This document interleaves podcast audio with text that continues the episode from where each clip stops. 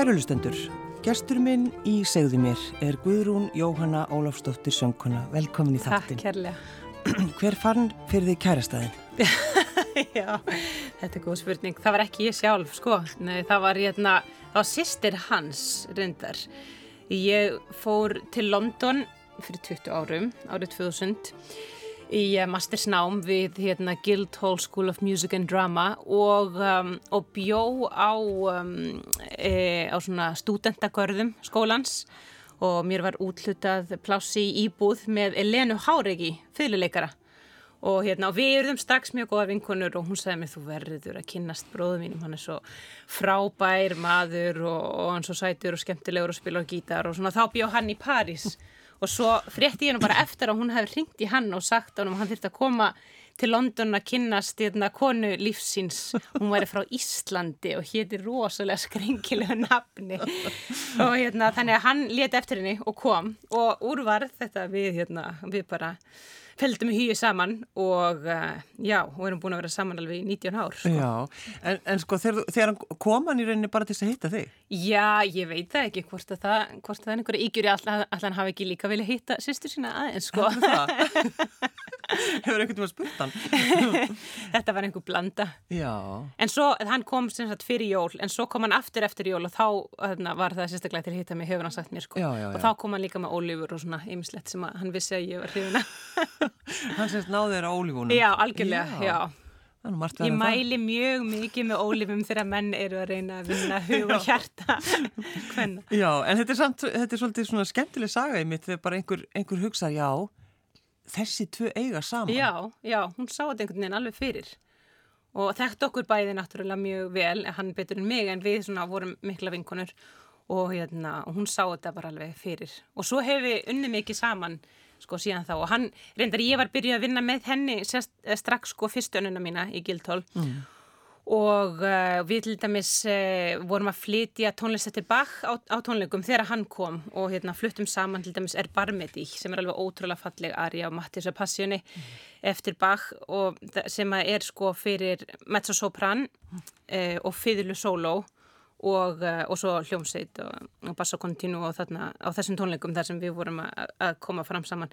Og, og þá sagðist hann að orðið ástfangin sko. Þannig að það var, það var líka hérna, blanda bak sko sem að virkaði með. Þannig að það er bak og það er ólífur og það er, og það er hérna, trú síst, sísturinnar á, á Já, emitt, og svo bara örlögin, allir það ekki, já, já. En hvað, uh, þú kláraði þitt nám og hann fór aftur til Parísar eða hvað? Já, eða nei, hann hérna ákvað þá að koma í skólan sko, um, eftir að við vorum búin að kynnast og þannig að, hérna, þannig að hann byrjaði skólanum uh, hösti 2001 mm. og þá fór hann í, í sitt mastersnám og ég fór í óprudeld skólans, í tveggja ára óprudeld. Mm. Þannig að við þarna, vorum uh, bæði að læra á sama tíma og, og svo vorum við í London í eitt ár eftir að við útskrifumst og, eh, og fórum þá til Madridar. Já, og síðan eru liðin hvað? Já, og síðan eru liðin 16 ár. Já, ég er búin að búa 16 ár í Madrid og 20 ár erlendis. Já. Ertu búin að fá nóg að því, kannski? Já, mér hefur sko, ég hef nú alltaf haldið miklu sambandi við Ísland, alltaf kominga nokkur svona ári og, og sungi hérna og, og, hérna og hitt fjölskyldu og vini og svo leis en það er einhvern veginn alltaf haft það svona bak við eirað með langi til þess að flytja til landsins og mm. sérstaklega við hefum tvö börn og ég vil svona þau tali almennilega íslensku og komist inn í líka íslenska menningu og, og svo leiðis Já og hérna og núna erum við búin að taka það ákverðan að koma til Íslands mm. og flytja til landsins. Sko finnur það alveg að þetta er rétta ákverðin? Já, já, mér finnst ég alveg svona tilbúin já. til þess núna og, og mér finnst þetta svolítið svona svipa og þegar ég ákvæði var tilbúin eignast batn, ég var ekkert svolítið Já. svona hrætt við það og alltaf, nei, það er ekki komið tími nei, ég er ekki tilbúin, sko. Og svo allt í náttúrulega bara svona slóða mig, bara núna núna er ég tilbúin. Já. Já. og þá hérna eh, og sem betur fyrir var ein maðurinn sammála. Þannig að þá eignust við fyrsta batni, já, það er ágætt. En til dæmis bara ef maður, sko, ykkar, ykkar heimili þá taliði, þú talar íslensku við krakkana. Já og þau tala spænsku sínum milli já. og þú talar ennsku við þinn eiginmann. Já, já. Þetta er mjög flókið. Og hann talar spænsku við þau og í, hérna, í Madrid hafa þau gengið í tvítingdan skóla þannig að mm. þau lærðu bæði á ennsku og spænsku og, og hérna, en hann reyndar er tvítingdur, hann fættist í Oxford, svo bjóðan í Madrid en svo ólst hann upp í Los Angeles. Mhm. Þannig að hérna, og við kynntumst á ennsku í London, þannig að það er svona okkar tungumál. Já. En þegar við fluttum til Madridar þá ákveðum við að, að skipta yfir í spænsku svo ég myndi læra spænsku. Og það, en það var mjög erfitt sko, það er erfitt svona þegar maður á einhvern veginn sitt tungumál með mannesku að skipta svo yfir annað tungumál, það verður líka svo mikið já, á milli fólks. Og þá stendur hann í rauninni, þú veist, miklu sterkar heldur en ég, ég er einhvern veginn svona nefandinn, það er svolítið ójafvægi í sambandinu þannig að, að við skiptum oft yfir í ennsku en svo þegar dóttur okkar Eva fættist eh, 2008 að þá skiptum við aftur yfir í ennsku, Já, en þeir eru rífist, á hvaða tungumálu rífist þið? á ennsku. Á ensku. Það er ekki lengi að svara. Á ensku. En hann blótar samt á spænsku. Já, auðvita. uh, sko, mér langar svolítið, Guðrún Jóhanna, að fá að heyra frá því þegar þið eruð í Madrid núna Já. í uh, COVID. Já, nefnitt, já. Já, ástandi þar var alveg rosalegt sko hérna því að eins og fólk hefur náttúrulega lesið um í fréttum og svona það hafa náttúrulega ótrúlega margir smitast á spáni og maður gerði sér ekkit grein fyrir að þetta væri svona alvarlegt sko í hérna í, já, februari, mars og, um, e, og það voru þarna mikla fjöldagöngur, það var rosalega margir sem að smitust og svo var öllu lokað og, og reynda mamma og, og maðurinn hennar voru hjá okkur einmitt í matri þegar þetta gerðist, við ætlum að fara að halda upp á sjötu sammalið hennar en hérna þurftum að cancela öllu og þau keftu sér flug með tilbaka til að fara fyrr. Og við vorum svo í fimm vikur innilokuð bara fjölskyldan inn í íbúðinni og þetta var náttúrulega öðruvísi heldur en hérna, sko, miklu yktara ástand þar sem maður mátti bara lögum samkvæmt ekki fara út úr húsi nema maður væri að fara bara að kaupa mat eða, eða lif og þá mátti bara ein manniski að fara í einu. Og börn máttu ekki fara út úr húsi. Þannig að börnin okkar fóru ekki fimm vikur út fyrir sko þröskuldin. Þau máttu ekki eins og fara nýr garð að leika vegna þess að, garðurinn er sameilur. Og, og, Og, og eru um, svalir og gáttu þið verið á svölum? Já, eða það eru svona hálf lokaðar samt sko og sem betur fyrir nú íbúin alveg stór þannig að það var þetta að hérna reyfa svo við höfum mikið pláss en hérna en, en náttúrulega sko sólinn, þú veist, skín ekki andlitið á manni. Sem ég hugsaði kannski svolítið til forfeður okkar sem voru lengi vel lokaðir inni á sveitabæjum í hérna í gamla daga Já, já. í, í vondu veðri. Og sagði þetta er kannski ekki svo slemt að vera inni lokuð hérna. Það er allavega solskin úti og maður getur opnað glukkan og, og svo leiðis en svona, já, mestu samskipti sem maður átti við aðra voru bara sko frá glukka til glukka við hérna nákvæmna við töluðum saman bara klukkan átta á kvöldin auðvitað talaði náttúrulega við fólk í síma og, og vídeo og svo leiðis en hérna en alltaf klukkan átta að þá hérna fóru allir út í klukkana og klukkanir eru flesti þannig að þeir opnar svona alveg sko þú veist þannig að þeir eru mjög opnir. Og hérna klöppuðu fyrir eh, heilbreið starfsfólki og það var alltaf mjög svona sérstök stund á hverjum degi og hérna og svo var líka spilu tónlist og, og svo var eiginlega alltaf svona partí sko í okkar húsi eftir það að það var einhver plötusnúður sem fóð bara að spila lög og þetta var alveg svolítið langt sko. Og fólk úhú alveg þarna í mjög miklu partí stuð, já, kallaði það radio patio sem er svona eins og, eins og garð útvarp eða Já. eitthvað svoleiðis. Uh, þannig að það myndaðist mikil stemning. Nei, og, og krakkarnir okkar sem eru 8 og 11 ára, þau voru bara í skólanum á netinu það tók náttúrulega ákveðin tíma að hérna færa allt yfir á netið og uh, ég átti að sko til dæmis að syngja á tónleikum sem að var bara kansilerað sko samdægur sem leitið allt út fyrir að þú veist að, að hérna að, eh, að landi myndi ekki loka og svo leiðis en svo var því bara lokað og, og það voru alveg nokkri tónleikar sem ég var með þarna sem var kansilerað og í rauninni allt annað sem ég er með á spáni út árið. Því hefur verið kansilerað óperu til dæmis sem á- átt að syngja í november og svo leiðis eða já en hún eh, verður líklega sett á fjarlætnar setna um, en um, Já, og, og ég var að kenna söng, uh, fór þá bara að kenna í gegnum netið og, og krakkarnir voru í skólanum á netinu og maðurinn minn sem er gítarleikari og hann var líka að kenna í gegnum netið og sem betur fyrir þá voru við með hérna, fjóra tölfur því annars veit ég ekki hvernig við höfum farið á þessu. En, uh, en já, þetta var mjög sérstætt ástand og svo sáum við bara auglist að hérna að utanríkisráðuneytið væri að skipleggja bara síðasta flugið frá beina flugið frá Spáni til Íslands 8. apríl og við tókum bara ákverðum með þryggja daga fyrirvara að taka þetta flug því að, því að við erum að skipleggja sönghátti í Hafnaborg og, og það var okkur svona aðal sumar að vinna og við vorum komið alla styrki og vildum alls ekki kansilera hátíðinu, hugsaðum við getum kannski haft hann í streymi ef eitthvað gerist sem betur fyrr, þá hafa nú hlutir lagast með mikið hérna á Íslandi þannig að hún verður bara haldinn nokkurt veginn svona venjulega, við ætlum ekki að hleypa eins mörgum inn og venjulega en hérna, eða selja hans marga miða. En hún verður samtaldinn og það verður áhörundur og fólk mun syngja og við höfum gert breytingar þannig að listamenn sem átt að koma frá útlöndum koma ekki og svo leis uh, en hérna, nei þannig að við ákvæmum bara að taka þetta flug. Mm. og en það var ekkit einfalt vegna að það var útgöngubann og algjörst ferðabann á spáni. Þannig að við þurftum að fá sérstaklega leifisbref og sendera Íslands e, í París, Kristján hann hjálpaði okkur alveg rosalega mikið þannig að ég ringdi í mig. Ég, mér fannst alveg e, stórmerkilegt sko einhvern veginn að sendi hér hann bara skildi ringja í mig og hann vildi spyrja mig hvernig ég ætli að fara út á flugu til þess að hérna, að brína fyrir mér að keira ekki því við þurftum að taka flug frá Alicante og eigum sjálf heima í Madrid. Já og hérna, það væri örugar að taka lest því að, það, því að eiginlega allir bíla voru stoppaðir þegar eiginlega þeir einu sem voru á gödunum voru bara lauruglumenn og hermenn. Já og uh, þannig að við tókum hérna, þurftum að taka tvo leigubíla heimann á lestastöðuna og, og sína skilriki og flugmiðan okkar og, og þetta leifis bref til að geta ferðast. Mann leið svolítið svona og í Casablanca það sem er alltaf, hérna, það er eitthvað svona, svona ferða sko pappýrar sem að hérna, myndin snýst mikið um. Og þetta var stórfurðulegt, þannig að það var eiginlega engin á gödunum, lestastöðun var bara tóm og, og nokkur veginn dimm líka, það var eiginlega engin þar nema þú veist einhverjir hermenn með sko rifla og hvað og, um, og svo var ekkert að kaupa neitt mat eða ekkert vatna á liðinni, ég vissi það endar og engar kerrur og við vorum með rosalega marga ferðartöskur og svo vorum við gítar í flugtösku og vorum með sell og svona minns og fiðlu dóttum minnar og, og svo tók maðurinn minn líka stóru tölvuna sína með sér svona stóran makka sko bara það hérna fyrir utan ferðartöskurnar við sem heldur ekkit hvað myndi vera lengi sko á Íslandi. Já, og við verðum að sko, halda á þessu öllu já, sko, enga kerrur já.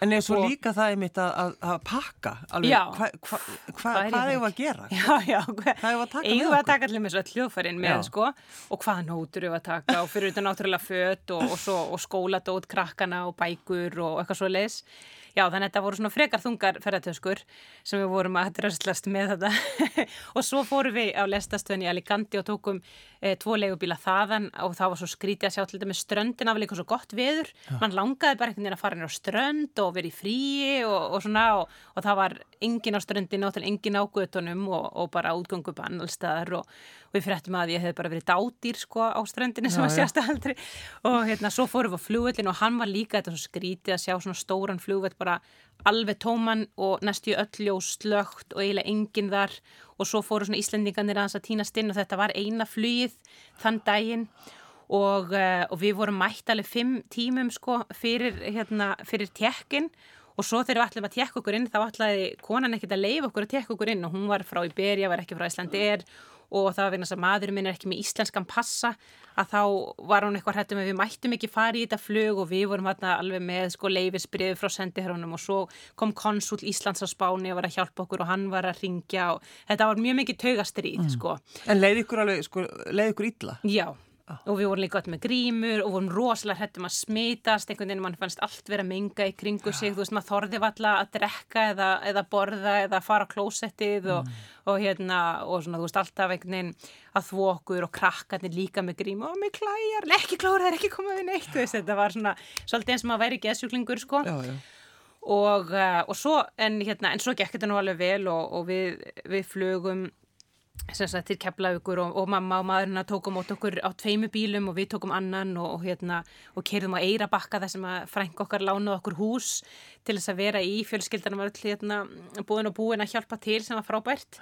Og það var strax svo mikil frelsistilfinning að, hérna, að komast þangað sko daginn eftir. Já, og einmitt sko líka og verið í sótkvíð, það, það sem var veist, erfiðast hér á Íslandi, það var eitthvað fólk veist, sem var í sótkvíð og þótti erfitt, en það er, það var Nei, það var bara erfitt. miklu auðveldara fyrir okkur, við gátum farið út, við fórum ekki til búð, sko, og hérna fjölskyldan var búin að kaupa fyrir okkur mat en, en við fórum hérna bara út í fjöru og fórum í langar gönguferðir þar sem vorum bara við fjögur saman.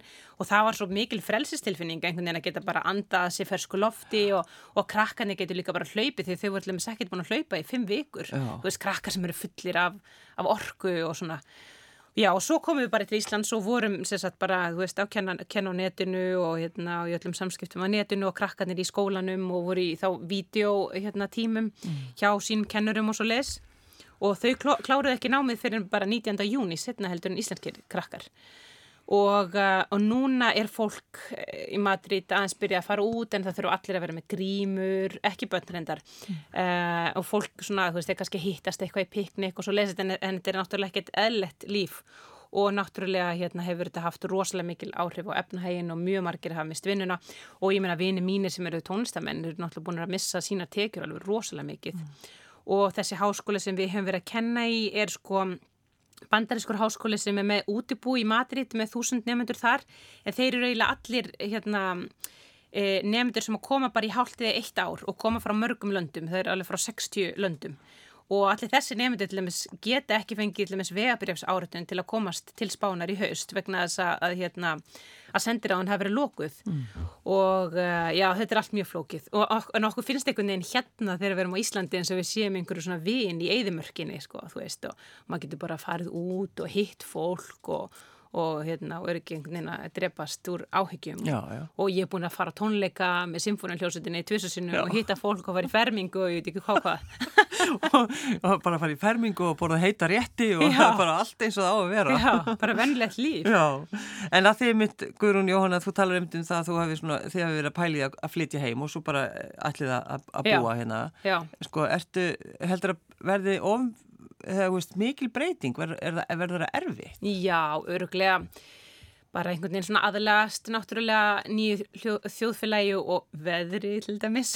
Svonu minn hvarta mikið og, og hann er á svona sömanámskið og segir sko og þau svo það verið gott viður og það er alls ekkit gott viður og rigning og við vorum blöyt og, og til dæmis sko í skólanum þeirra þú veist út í Madrid, ef það er rigning þá fer engin út veist, það er bara, það er svona eins og þeirra er óveður hérna og það, þú veist, þeirra er ekki að loka bíl, þetta er bara rigning, nei, ég fer ekki út nei. því að eitthvað með þessi matur, þetta eru 300 sóladagar á ári, þannig að það verður örgulega erfitt að hérna að venjast því og, og, og, og líka fyrir börnin að fara í íslenska skóla og svo lesum þau eru byrjuð að fara á námskeið og eru þau líka bæðspil á hljóðfæri og þau eru svona á hljóðfæra námskeiðum líka og hérna og svona aðeins að komast inn í, mm. í þjóðflæð En, eh, en ég finnst það líka mjög skemmtilegt því hérna er náttúrulega mín fjölskylda og mínu vinir og sem ég hef saknað og, og, og svo er náttúrulega líka, svo þekki maður svo marga sko til dæmis eins og í tónlistarheiminum, þetta er svo, svona þjætt net og það er svo miklu auðveldara að gera hluti sem mann er kannski dettur í huga að gera, já, já. eins og til dæmis söngkátti í Hafnaborg sem við erum með núna í hérna að við fengum einhvern veginn þess að hugmynd, hvað með að vera með svona söngkáttíð og og þá fór maður að stjá og, og tala við fólk. Og þetta var eitthvað allt svo auðvelt. Ég mhm. talaði við Ágústu, Kristófer, þetta var 2017 í Hafnaborg og, já, endilega hafa háti hérna. Og svo fengum við styrku tónlistasjóði og svo frá Hafnafjörðabæ og, og þetta er allt eitthvað svo auðvelt sko, því að við höfum skipilagt líka hluti á spáni. Og það er svo erfitt sko, það er mikið búrokrasi að það er allt eru vandræði sko. En á Íslandi er bara svona já já þetta er reddast. Þetta er ekkit mál. En það væri svolítið gaman kannski að fá að heyra hvernig þú syngur Já Er það ekki? Við skulum hlusta á hjá Ligri móðu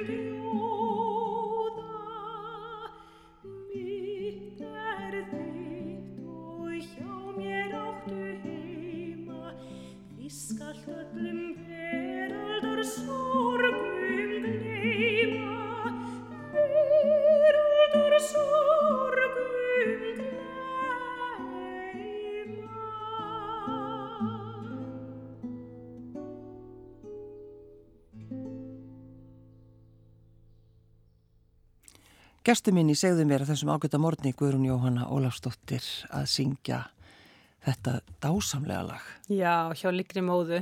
Lægið og textin náttúrulega eftir Haldur Lagsnes er alveg frábær mm. og þetta er lag sem ég hef verið hrifin af í, í mjög langan tíma á og, og þarna spilar maðurinn minn Franþísko Javír Háreiki á klassiskan gítar. Og við fengum sérstaklega leiði hjá Jóni Áskirsinni að, hérna, að gera svona umskrift fyrir gítar á þessu lægi því að upprunlega lægið er fyrir rött og píano já, já, já. og tölvert herra en ég syng það þarna. Og hann er ekki hita, hann er sko til í allt já, já, já, já, já og, svo, og, og hann gaf okkur líka lefi til þess að gera útsetningu á hérna, Vísum Vassendarósu, hugum mín og hugum þín.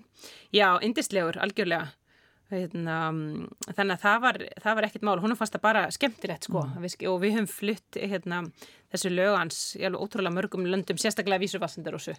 Já, út um allan heim. Út um allan heim, já. Og hvernig, já, hvernig og upplifir fólk þetta laga? Því við, fyrir stert, okkur eru sko. við svona bara, er inn í sálinni einhvern veginn? Já, einmitt, þetta er svo mikil hérna, hluti af þjóðasálinni og það er náttúrulega í vísum vastar og svo líka sjálfar vísurnar og sagan líka já, um Rósu, Guðmundsdóttur og hennar líf og svo leist þannig að yfirleitt þegar ég syng til dæmis Vísu Vassandar og þá útsker ég aðeins svona hver hún var og, uh, og líka hvað hérna hvað ljóðið þýðir eða hvað vísurnar þýða. Mm. og þetta er náttúrulega svo, svo sterk sko, þetta er svo sterk ljóð og það, og hérna og þú veist þetta, mitt er þitt og þitt er mitt þú veist hvað ég meina. Þú veist þetta er einhvern veginn líka svo nútímalegt já, sko. já.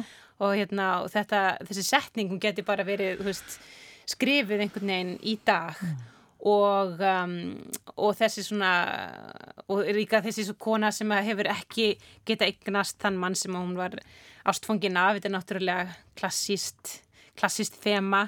Og uh, en samt hugsaður hún til hans með svo mikil velvild því að hún segir sko Eh, og við hefum aldrei sérst elsku vinurinn góði en samt sko endar á því að segja elsku vinurinn góði. Þannig að hún er ekki einhvern veginn bitur eða, eða sár þó þetta hafi allt farið illa. Mm.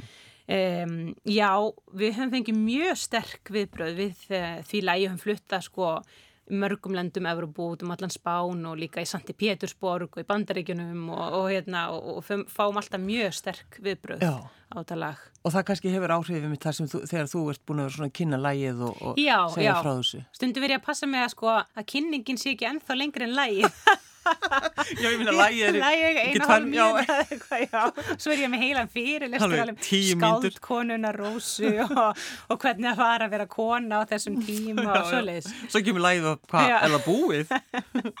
Já, en sko er það einmitt að syngja svona lög sem er bara einhvern veginn sem þú segir bara í þjóðarsálunni út um allan heim, er þetta ekki, er þetta ekki svolítið góð tilfinning? Jú, það er sko, þar ber hæsta nefna kannski auguminn augun þín sem að ætti kannski vera auða mitt og auða þitt svona samkvæmt ströngustur öklum en, uh, en annar lag er, er Ave Maria eftir Kaldalóns það er sko lag sem að hérna, ég flutt alveg rosalega mikið mjög mörgum hérna, löndum og og, uh, og fólk, fólk minnist mjög mikið á það finnst það lag að vera mjög ítalst sko, og, hérna, og náttúrulega skilur ekki endilega textan skilur bara af Maria. Maria sérstaklega því fluttið það í Róm í útsetningu fyrir sko, strengja kvintett og piano með, hérna, með kammerhópi sem ég syng mikið með sem heitir Sonar Ensemble. Og það eru hljóðfærarleikar ára symfóniun hljómsveit Spánar og, hérna, og hljómsveitastjórin hann gerði sína einn útsetningu á læginu og það alltaf, alltaf að trillast sko þar. Og líka í Lemmes Buenos Aires við fluttum það þar og, og hérna og, út, um, út um alla Evropa, rosalega mörgum löndum því ég mikið ferðast með eh, þeim kammerhópi sko uh, um Evropu, já og líka til Söður-Ameríku og svona. Eh, hérna og það er svona lag sem að verðist einhvern veginn alltaf alveg hitta bynd í mark. Já. og ég flytt, flyttaði líka með hljómsveit í útsetningu eftir Róðumar Sigur Björnsson hérna í Barcelona með sko symfóniljómsveit Barcelona og Katalóniu og, og það líka vakti mjög mikla hrifningu sko það var hérna á að hátíð sem heitir La Mercé og á svona alveg úti tónleikum með fullt fullt af fólki sko, þú veist þannig að það var hljómsveit og, og eins og okkur var hljóðmagnað eðna, yfir allt og já það er svona lag sem að slæra alltaf alveg í gegn. En sko að því þú Guðrún Jóhanna ferðast eins og lýsir já. út um allan heim, mm -hmm. hvernig, uh, hvernig sérðu fyrir þér? Bara framtíðina? Uh, já, ég sé nálega fyrir mér sko að hérna að vera ekki alveg alltaf á Íslandi þó ég ætla að búa hérna sko mm. uh, að ég muni samt ferðast eins og sé ég líka fyrir mér að sko heimurinn er ekki alveg eins og hann var sko sérstaklega tónlistarheimurinn og uh, að hérna og svona tónleika ferðalög og svo leiðis eiga ekki, vera, eiga ekki eftir að vera jafn innföld og þau hafa verið fram að þessu nei, nei. og ég held að hérna, muni taka heiminn svolítið langan tíma að komast yfir þetta sjokk sko. Og, um, og allir tónlistarheimurinn eða svona tónleikaheimurinn um, hefur náttúrulega já, mætti segja, er í sjokki og er búin að, búin að missa rosalega mikla tekjur og sér líka fram á mjög erfiða tíma framöndan þannig að ég sé líka fram á kannski mitt svona tónleikalíf eins og það hefur verið að það mun ekki hvort sem er vera eins. Nei, nei. Þa, það, fórsendurnar eru aðrar sko. það, bara, það breytist allt já, og líka spátnir er á leiðinni mjög mikla kreppu. Uh, held ég miklu verið heldur en Ísland sko. og það var fyrir mjög mikið atvinnuleysi og hérna og menning er ekki eitthvað þar sett í endilega í fyrsta sæti. Þannig að hérna og maður sér sko það er áhugavert að sjá uh, í þessu erfi ástandi hvernig mismunandi lönd hafa tekið á vandanum og því að bæði sem að ég fréttum og svo líka á ég vini og, og samstarfsfólk í mismunandi löndum sko, og til og með svo Þískaland og, og Breitland hafa hérna, gert mjög vel við sína tónlistamenn og ég meina Ísland líka, mm. hérna er til dæmis hérna E, ríkistjórnuna þarf að veita fleiri listamannalaun um, og, og það eru átaksjóður til dæmis í tónlist og svona ýmislegt verið að gera. E, á spánir ekki verið að gera eitthvað sérstaklega mikið sko fyrir mm. tónlistar e, fólk. Það má bara einhvern veginn svona svolítið bjerga sér sko. En það er náttúrulega landið í mjög svona slæmmálum og stóð ekkit sérstaklega vel kannski fjárháslega fyrir og mun standa mjög illa eftir þetta eða stendur núna Já, þannig að ég sé kannski heldur ekkit fram á einhverju svakalega góðsend tíð, sko. Mm. Þannig að hérna, þessan held ég líka að, að þetta sé góð tími því að mér langar sko persónlega sé að koma til Íslands út af fjölskyldu og svo leiðis og, og ég held að, hérna, að kannski svona atvinnilega sé þá sé þetta ekkit, ekkit svona slæmur tími heldur Nei. til þess að koma heim. En þið eru, eins og þú nefndir, eh, að skipla ekki þessa háttíð Já. og akkurat eins og þú segir það er svo gaman að hvernig maður getur fengið hugmynd hérna og Já. það bara einhvern veginn, það gengur allt upp alveg Já. á frábært, gerum þetta bara Já, Já ég var að stjórna sko kamertónleikum á Kirkjubæklaustri í 11 ár áður en við stopnum þessa háttíð og, eh, en þa það var sko Edda Erlendstóttir sem að stopnaði það háttíð og hún bauði mér að taka við af sér þegar hún vildi fara að snúa sér að öðrum verkefnum sem ég gerði og það var mjög skemmtilegt en það var samt kannski ekki háttíð sem ég hafði svona hugsað út kannski frá því sem ég hafði sérstakann áhuga á sem að er söngurinn mm. því að það var svona meira kammertónlist í, í forgrunni þó að ég hafi náttúrulega alltaf sett mér og meiri söng inn í það háttíð Þannig að þá langaði mig til þess að stopna nýja hátíð sem væri alveg sönghátíð og, og myndi beina sjónu sínum að söng og þá er ég að tala um í rauninu klassiskan söng, bæði innsöng og líka kórsöng. Já. Og um, þannig að við myndum bjóða upp á tónleika sem væri með sko frábærum listamennum alveg í fremstu röð og til dæmis í hátíðin ár það eru sko þrýr söngurar sem hafa sungið á Metropolitan til dæmis. Eitt sem er sko hérna alveg ótrúlegt hann skuli eiginlega vera á landinu, Stuart Skelton.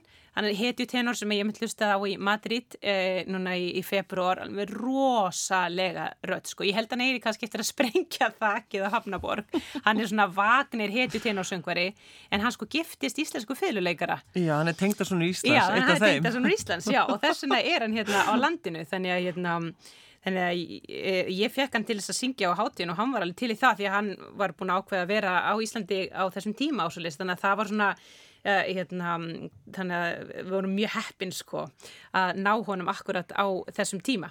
Um, nei, en þannig að, og það sem ég hugsaði með sönghátíðina var líka sko, bæði þetta er tónlistarhátíð, þetta er nokkuð með líka einhvers konar rannsóknarverkefni að það er að segja að ég held að mér stek líka viðtöl með söngvara mm um söngtækni og um svona hvernig þeir sjá söngin og hvernig þeir syngja um, og, eh, og byrti viðtöluna á YouTube og svo eru líka námskeið. Og það eru námskeið eins og Kristinn Sigmundsson er með masterclass námskeið fyrir fólk sem er komið langt, það langt að það getur sungið á tónleikum og, og því námskeið líka með tónleikum.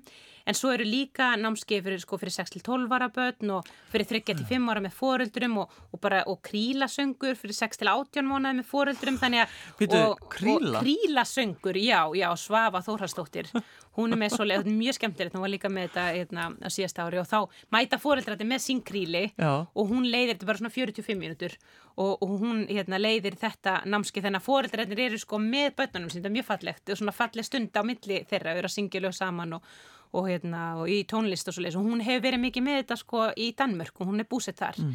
en, um, en er einmitt eina af þeim sem komið til Íslands á, á sumrin Og, um, og svo er ég sjálf líka með söngnámskeið fyrir sko byrjendur og þá sem eru svona á grunnstíi. E, þannig hugmyndin er bæði að fólk geti fara á tónleika með frábærum söngvurum, e, svona þú veist af eldri kynsluðin og líka af ungu kynsluðinni, en, en líka að sko hátíðin stuðlega því að fólk læri meira í söng og, og, svona, og söngur þróist áfram í rauninu á landinu og, og líka að hátíðin sé ekki bara til á meðan hún er í gangi, heldur líka að hún sé tekinu upp og, og hluti hennar fyrir hingaður í kjósutarpið en svo fara líka nokkur lög um, af hverjum tónleikum inn á YouTube síðan hátíðarinnar. Þannig að hugmyndin líka svolítið að byggja upp svona smá gagnabanka mætti segja þar af upptökum með íslenskum og, og, og nú líka erlendum e, söngvurum og listamönnum, tónlistamönnum og þe líka þessum viðtölum sem að þá lifa áfram og, um, og þó að þessi flutt sko tónlist eh, frá mörgum löndum og tímambilum og svona það leggjum við líka svolítið áherslu á íslenska tónlist og að hún sé aðgengileg í sko vídeoöftökum á netinu. Já. Það er mjög margt sem er ekki hægt að finna. Þú veist á Spotify eða, eða á YouTube og það eru kannski geislidiska sem hefur teknur upp en þeir eru ekki aðgengilegir svo á enginn geislaspilar þetta á þeirra valla til hérna, jú kannski 12 tónar en hérna, ekki margi sem að selja diska. Þannig að það er ímislegt sem er ekki aðgengilegt og mér finnst mjög mikilvægt bæði að þessi tónlist sé aðgengileg og líka söngur og tónlistarflutningur mm. listamannana. En svo er líka einhvern veginn svona að vera að halda svona söngháttíð eh, á meðan að þessi, svona, þessi faraldur geysar þá er þetta svona, það er alls konar svona tilfinningar einhvern veginn í gangi bara já, í þjóðfélaginu. Já, já, það er satt, það er satt og hérna og þetta fær okkur svona til þess að eitt af því sem að þess, þetta ástand hefur svona fengið mig til þess að hugsa um er til dæmis flóttamenn um, og, og við settum svona þemaða hátina samkend þess að svona hugmynd sko um að þegar þú gengur í gegnum einhverju svona erfiða reynslu að þá skilur þú betur reynslu annara sem að hafa gengið í gegnum eitthvað, eitthvað svipað. Mm -hmm. og það er náttúrulega það sem gerist með,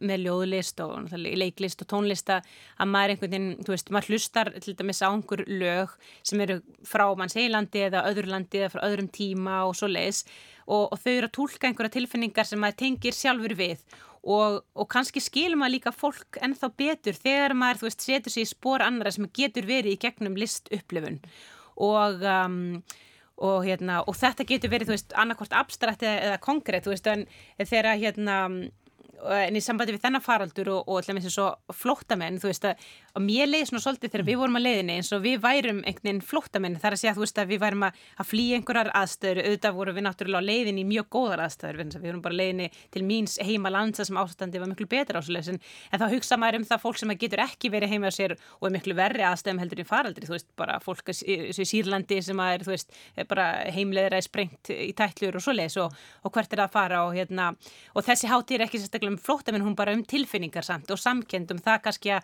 að skilja hvers konar reynslu aðrir að ganga í gegnum þannig að maður skilji þá og að leiðinni skiljum maður líka sjálfa sig betur. Þannig að hérna í gegnum þessi lög, þessi ljóð að þá svona gungum við í gegnum tilfinningar annara og, og hérna og fáum nýjar upplefana sem vonandi gera okkur, gera okkur einhvern veginn að betri manneskum. Það gerum við ekki alltaf einhvern veginn að stefna því? Já, við Já. vonum það allavega. En þið ætlið að heiðra Jón Áskilsson? Já, ymmit og hérna í fyrra þá heiðruð við Allaheimi Sveinsson og, e, og fyrir árið ár þá hérna, völdu við Jón Áskilsson e, sem er náttúrulega eitt af okkar hérna frábærustu tónskaldum og samið svo ótrúlega marg, mörgfallið lög eins og þetta misjáleikri móðu og, og, hérna, og auguminn og augun þín en líka mörg önnur lög mm. og hérna og ég hafði sambandi með nokkra söngvara og vildi hafa svona svolítið breytt í þessu. Og það væri nokkri söngvara sem myndi syngja lögin eftir hann. Og, og, og þar kannski fyrst að nefna Kristinn Sigmundsson, nokkar frábæra um, söngvara og svo kemur líka Herdís Anna Jónastóttir frábær sopran sem að, hérna, er búsett í Þískalandi og, og Rólfur Sæmundsson, baritónsöngvari líka alveg, eh, aðeinslegur söngvari sem er líka búsettur erlendis og, og ég er svolítið kannski notværi mér það að þau koma til Íslands eh, yfir sumartíman og eru hérna því að yfirleitt eru þau erlendis. Og hérna og svo syng ég sjálf og, og Javier spilar á gítar og Anna Guðni Guðmustóttir hún spilar með flestum Og, eh, og svo syngur líka Gunnlaugur Bjarnason sem að vann voksdómin í hérna, söngkeppnina sem er á vegum félagsíslenskra söngkenari þannig að við erum í, í samstarfi við þá keppni. Mm. en þetta eru sko alls áttatónleikar þannig að það væri kannski oflant að tellja það upp alla. En fólk getur nú farið á síðuna eða vill flett upp söngátt í Hefnaborg kipt með á TIX. En, hérna, en þetta er svona mjög mikil breytt og þetta eru, það er ljóðasöngur, það er óperugala, það eru fjölskyldutónleikar og það eru tvennir kórtónleikar. Þannig að þetta er svona og, og, og prógram er alveg frá enduristna tímabilinu til frumflutnings. Mm. Við ætlum að enda á vísum, það eru vísur Vassendarósu og þú ætlar að, þú syngur það. Þetta Jú, er af þessum, þessum geisladiskðínum mitt er þitt. Já. Guðrún Jóhanna Ólafsdóttir, söngkona, takk fyrir að koma. Takk helga.